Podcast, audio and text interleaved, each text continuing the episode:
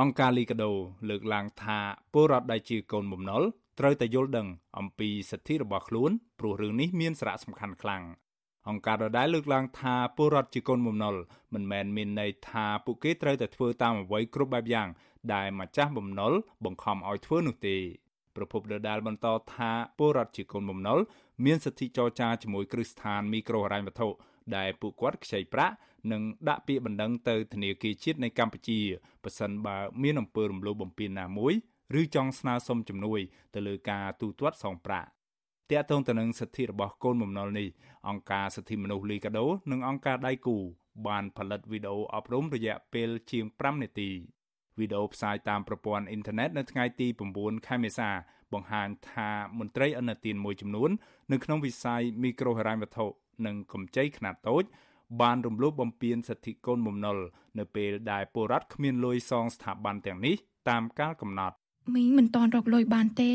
មីងឲ្យកូនស្រីទៅធ្វើការនៅស្រុកគេរកលុយមកសងហើយពួកយើងប្រឹងសន្សំដើម្បីសងលុយក្មួយហើយសុកចិត្តអត់ឃ្លានរិះថាំហូបតែប្រហុកនិងអំបិលតែប៉ុណ្ណោះ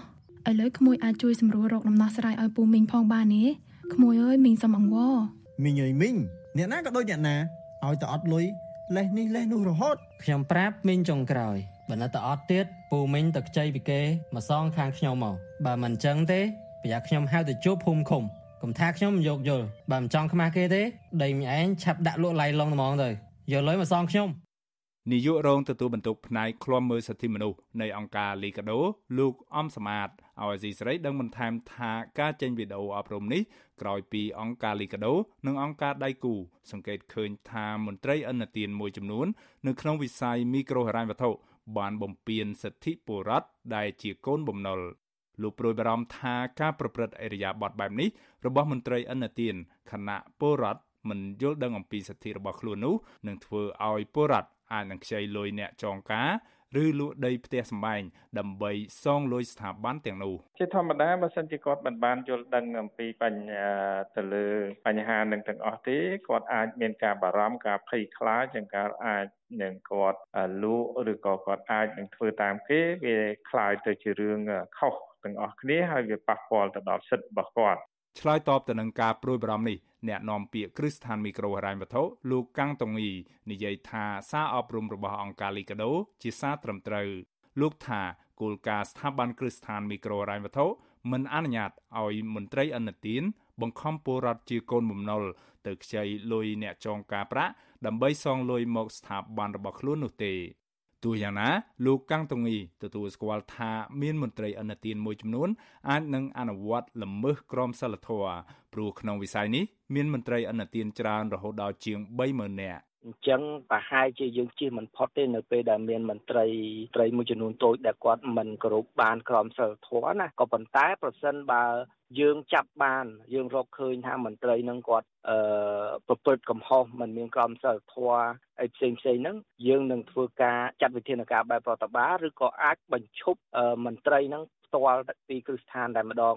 ទោះជាយ៉ាងណា អង្គការលីកាដូរំលឹកប្រាប់ពលរដ្ឋថាគ្មាននរណាម្នាក់អាចបង្ខំពលរដ្ឋជាកូនបំណុលឲ្យលក់ដី ឬផ្ទះសម្បែងដើម្បីសងបំណុលក្រៅពីតុលាការនោះឡើយ អង្គការសិទ្ធិមនុស្សដដែលណែនាំដល់ពលរដ្ឋដែលជួបករណីនេះអាចតវ៉ាឬដាក់ពាក្យបណ្ដឹងទៅស្ថាប័នដែលពលរដ្ឋខ្ចីប្រាក់ឬធនាគារជាតិនៃកម្ពុជា ទន្ទឹមគ្នានេះពលរដ្ឋក៏អាចប្រឹក្សាយោបល់ផ្នែកច្បាប់ពីធនាគារជាតិនៃកម្ពុជា ពីអង្គការសិទ្ធិមនុស្សលីកាដូ និងអង្គការសមត្ថៈជាដើម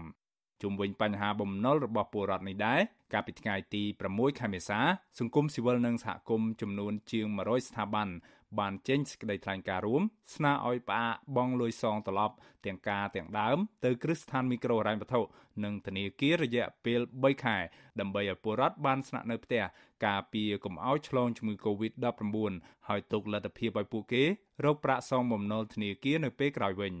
ក៏ប៉ុន្តែភាគីគ្រឹះស្ថានមីក្រូហិរញ្ញវត្ថុឆ្លើយតបថាពួកគេមិនអាចផ្ដល់ដំណោះស្រាយរួមទៅគ្រប់ករណីទាំងអស់បាននោះទេនាយករងអង្គការលីកាដូលោកអំសមាតបន្ថែមថាស្ថានភាពសប្តាហ៍ថ្ងៃដែលកម្ពុជាកំពុងជួបវិបត្តិជំងឺ Covid-19